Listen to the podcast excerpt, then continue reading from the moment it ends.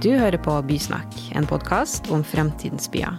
Her vil OMA-sjef Erling Fossen og faglig kommentator Maren Bjerkeng snakke med spennende gjester om trender innenfor byutvikling. Velkommen til nok en episode av eh, Bysnakk. Men før du introduserer temaet denne gangen, eh, Maren, så må vi ta noen myke minutter. Vi fikk da en veldig hyggelig SMS eh, sent i går av da en lytter som hadde lasta ned begge episodene våre mens han lå i boblebadet. Og da tenker jeg umiddelbart eh, jeg håper han var alene.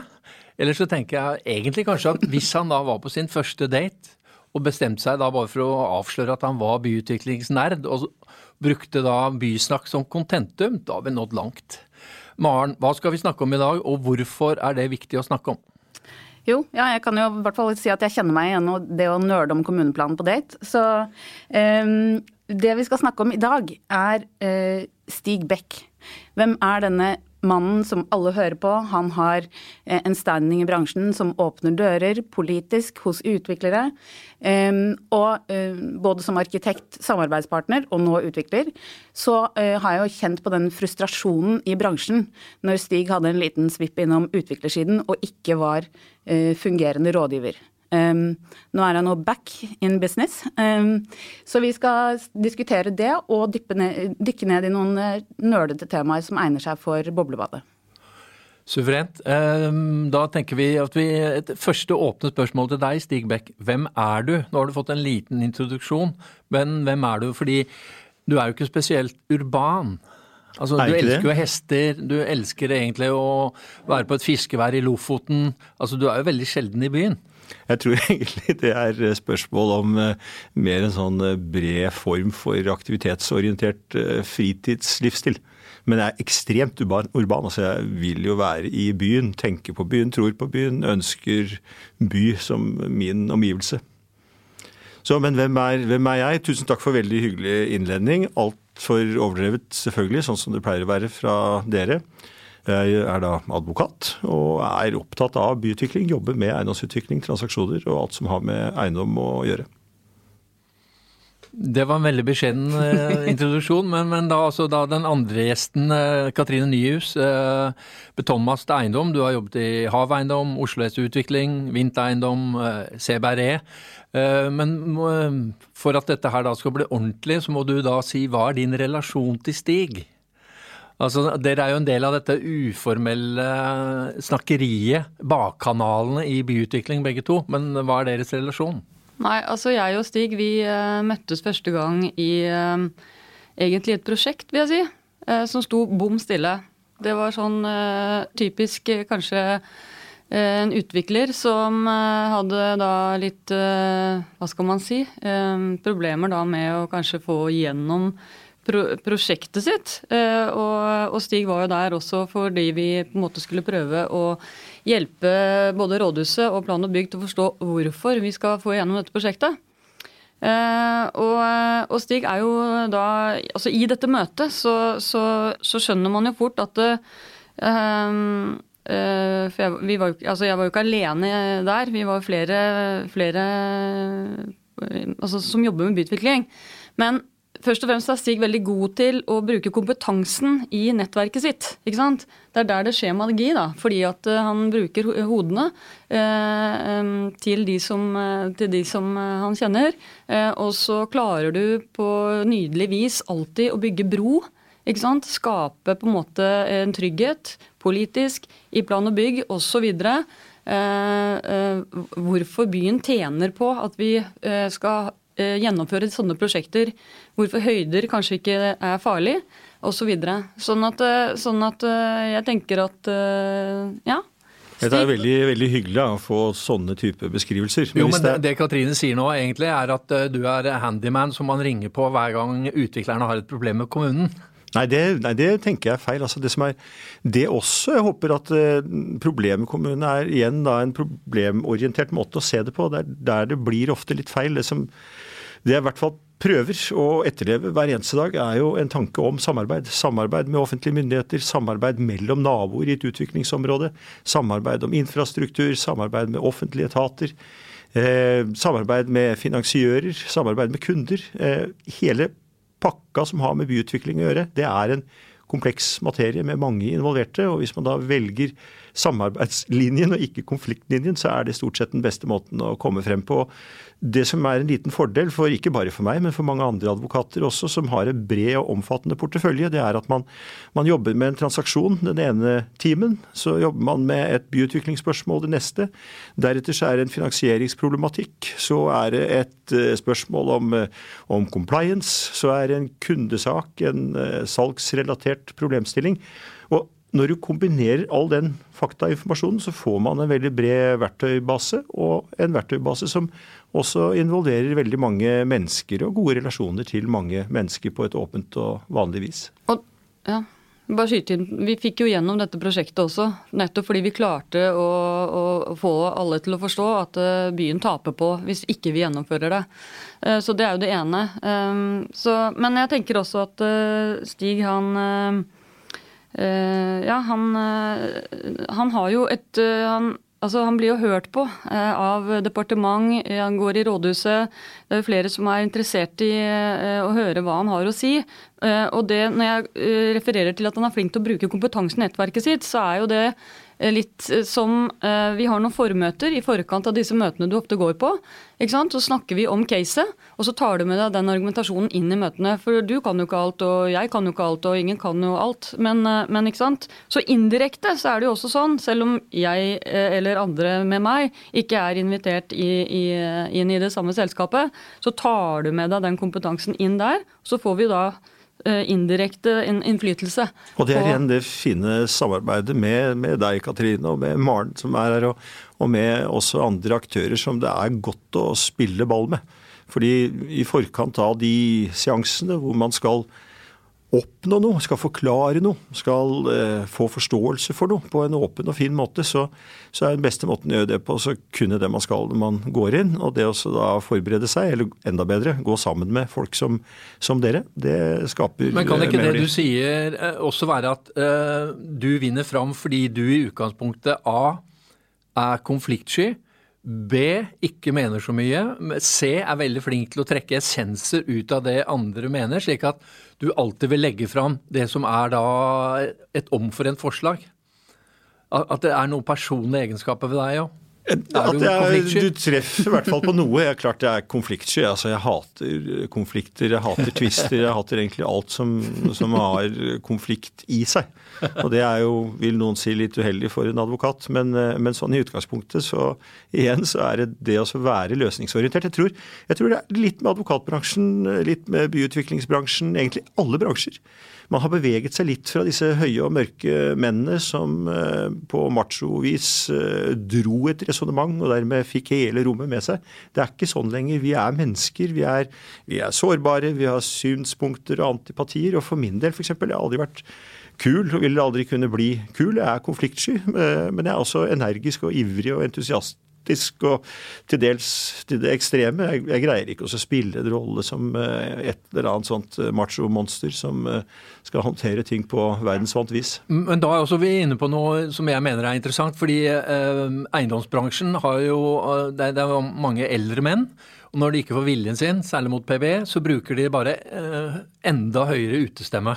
De tror egentlig at man nærmest kan banke eh, motparten til en type fornuft. Men det du sier er jo egentlig at eh, skal man også, det har jo alle som har eh, levd i et langt samliv, at skal du endre atferd hos partneren din, så starter det med å endre atferd hos deg selv. Du kan ikke banke fornuft inn i den andre. Men det du sier er uh, mer eller mindre en slags form for feminin, uh, dialogbasert uh, revolusjon. At det er det eiendomsbransjen trenger. Og det er det du er eksponent for. Det er veldig mye adjektiver her. Jeg greier ikke å fange opp alle sammen. Men, men, men den utestemmen, det du beskriver, det kan godt hende at det er riktig, men det var i så fall riktig litt tilbake i tid. For jeg tror samfunnet er på vei fremover, og det er ikke nødvendigvis at det er en slags det er ikke en feminin egenskap nødvendigvis, det å være dialogbasert. Jeg tror eh, vi beveger oss egentlig helt bort fra det som har med, med, med kjønn å, gjøre. De stereotypene man har tenkt på tidligere, de eksisterer ikke lenger. Og det er kjempebra, fordi det betyr egentlig at man fokuserer på oppgaven, løser oppgaven på skikkelig vis. Og så er det som sagt helt ålreit å ha litt iver og litt engasjement eh, bakom. Og jeg, jeg mener noe om byutvikling. Eh, det, vi skal over til det, altså, hvor vi da skal anvende ditt stigblikk. Men uh, Maren, det virker egentlig bare som du sitter her med ærefrykt. og sånn... Uh, Uh, han, han er, Stig er jo hva skal jeg si, kongen av bakkanalene. uh, og i alle de uformelle samtalene så har alltid da nesten alle parter hatt en samtale med han før de går inn i det uh, formelle forhandlingsspillet.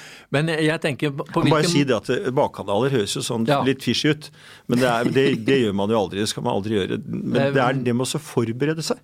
Og som rådgiver så er det jo litt av min oppgave, da, hvis det er en, eh, en høy og mørk mann fra en eh, norsk eiendomsvirksomhet som skal i et møte med plan og bygg, så kan det hende at jeg ikke skal være med i det møtet, men det kan hende at jeg kan hjelpe han med å forberede seg, strukturere men, argumentasjonen. Du har jo en plan, ikke sant? og du er en ekstrem god planlegger. For du vet hvem du skal snakke med, hvordan du skal gjøre det, og hvem du skal trekke veksler på, hvem du vil ha med deg, hvem du kanskje ikke skal ha med deg, hvilken, eh, hvilken samarbeidspartner du skal ha i forhold til hvilke prosjekt osv. Men han har jo, Erling, og Maren ekstremt diplomatiske evner, så han kan jo når som helst gå inn i eh, ja, Diplomatiet? Ja, det kan han. Ja. Men det, det jeg syns er interessant med det også, er vi var litt inne på det med uh, det stereotype. Uh, og det at en advokat uh, da er den som byutviklere, politikere, hører på når det gjelder byutvikling. Det er jo en litt interessant vinkling i seg selv også. og jeg tenker jo at det handler om den eh, tverrfagligheten også. Eh, og det, det, er jo litt sånn at du sier du har eh, meninger om byutvikling, men det må jo gå litt lenger enn bare å ha en mening, for det er det jo mange som har.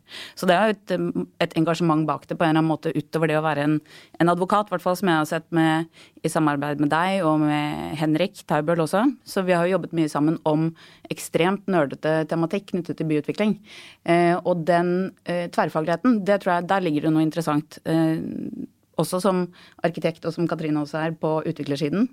Um, så jeg tror det, det å dyrke det, det, i større grad, da. Ja, for nettopp det du sier er jo, er jo, litt av det sentrale som vi har vært innom. Man kan bruke begrepet nølete. Altså, og det er veldig godt, egentlig god beskrivelse, fordi det å kunne ha en litt nølete innfallsvinkel, det å ha interesse og det å grave seg ned i de små detaljene, av og til så kan det være helt nødvendig for oss å komme videre. og Da er det gøy å, å spare med andre med samme innstilling. Men bare da for at nå, um, Vi kan jo da anvende stigblikket på konkrete utviklingsprosjekter, så man liksom får se hvordan du også jobber. For i Kvadraturen altså Det er jo mange som har jobba med Kvadraturen over mange år, og det er veldig vanskelig. Eh, Pga. vernehensyn, pga. veldig uoversiktlig grunneierstruktur. Eh, men du har da eh, utviklet en slags form for stigmodell for hvordan man skal håndtere privat-offentlig samarbeid, som er helt viktig. Hvor man introduserer goodiebags. Kan du bare fortelle noe da om denne, denne stigmodellen?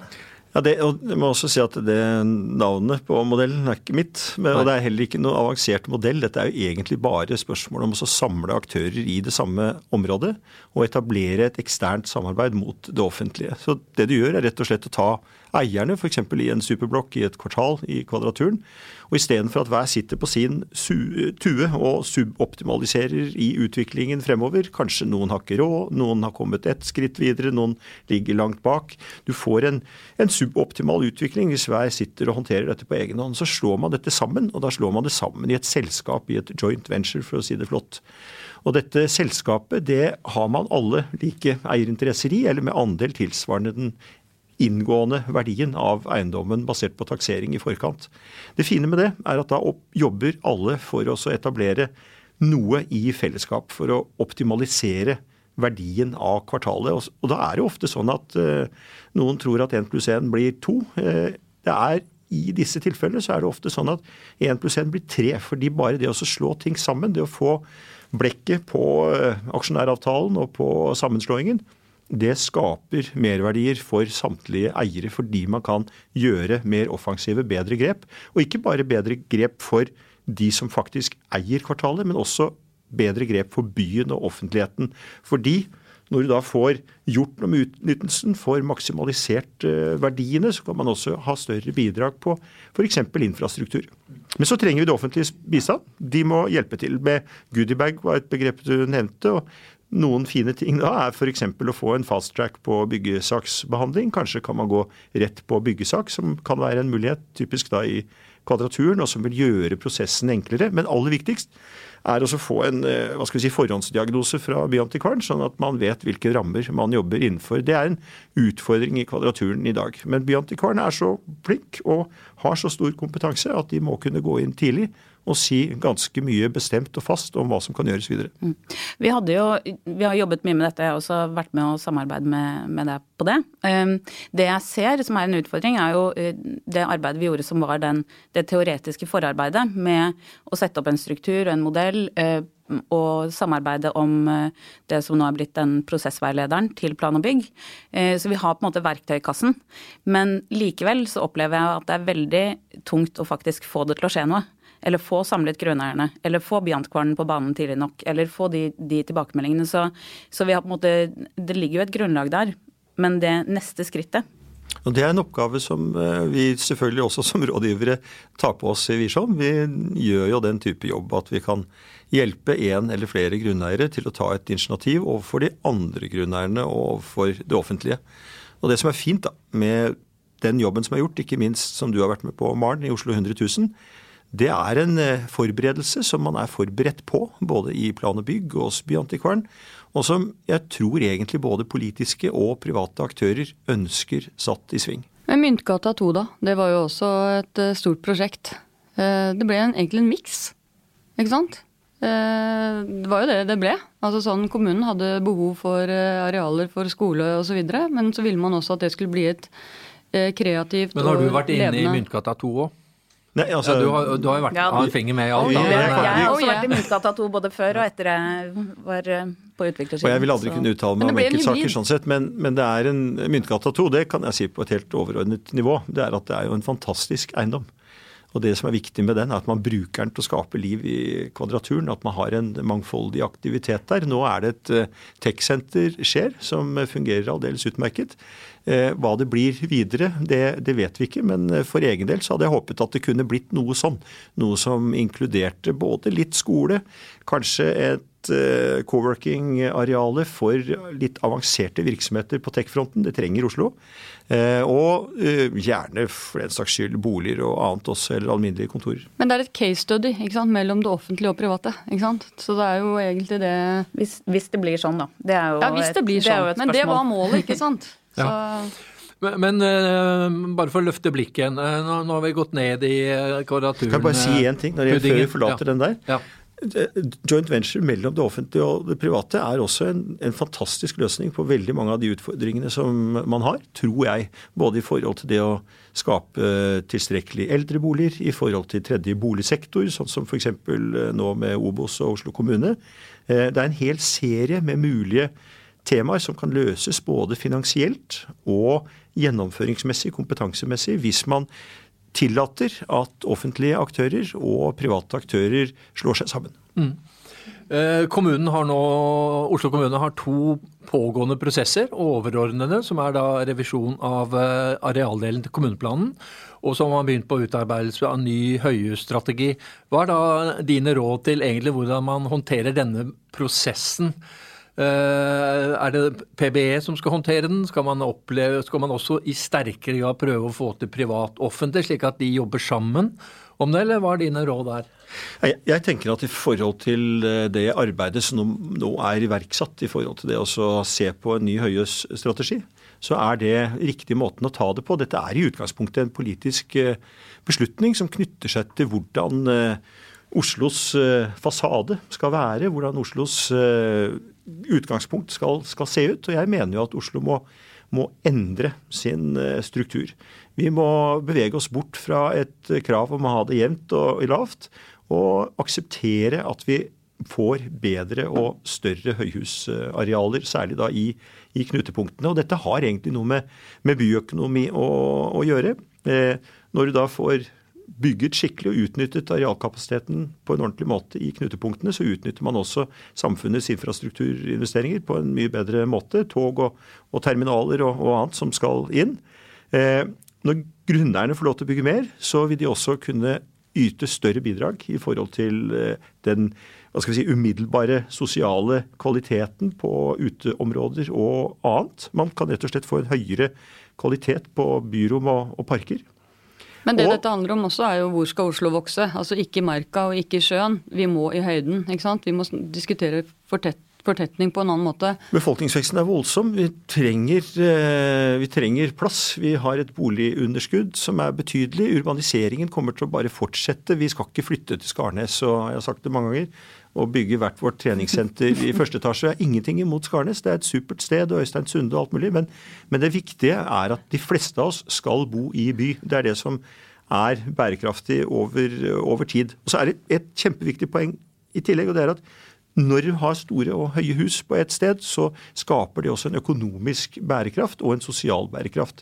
Den økonomiske er veldig enkel. Det kommer folk ut av byggene, og de bruker serveringsstedene. De skaper grunnlag for masse virksomhet. Mye større virksomhet enn hvis det er et lavt hus. Det kommer flere ut av et høyt enn av et lavt. Men så har du også det sosiale. Du skaper større grad av nærhet. Serveringssteder, andre oppholdsarealer med høy kvalitet, fordi grunneierne også har hatt eh, råd til å bidra med mer sammen med det offentlige. De oppsøkes, og det er flere og tettere mennesker, og faktisk så blir vi lykkeligere over tid. Takk for den. Vi, vi har kommet til veis ende. Vi, det gjenstår å se om da både de private og det offentlige hører på deg, slik at uh, dette blir da resultatet av den nye Høie-strategien. Jeg håper lytteren også har blitt mer kjent med Stig og får lyst til å oppføre seg mer som Stig. Hadde det vært flere Stig her i verden, så ville da konflikten mellom det private og offentlige ikke eskalert sånn som det gjør nå.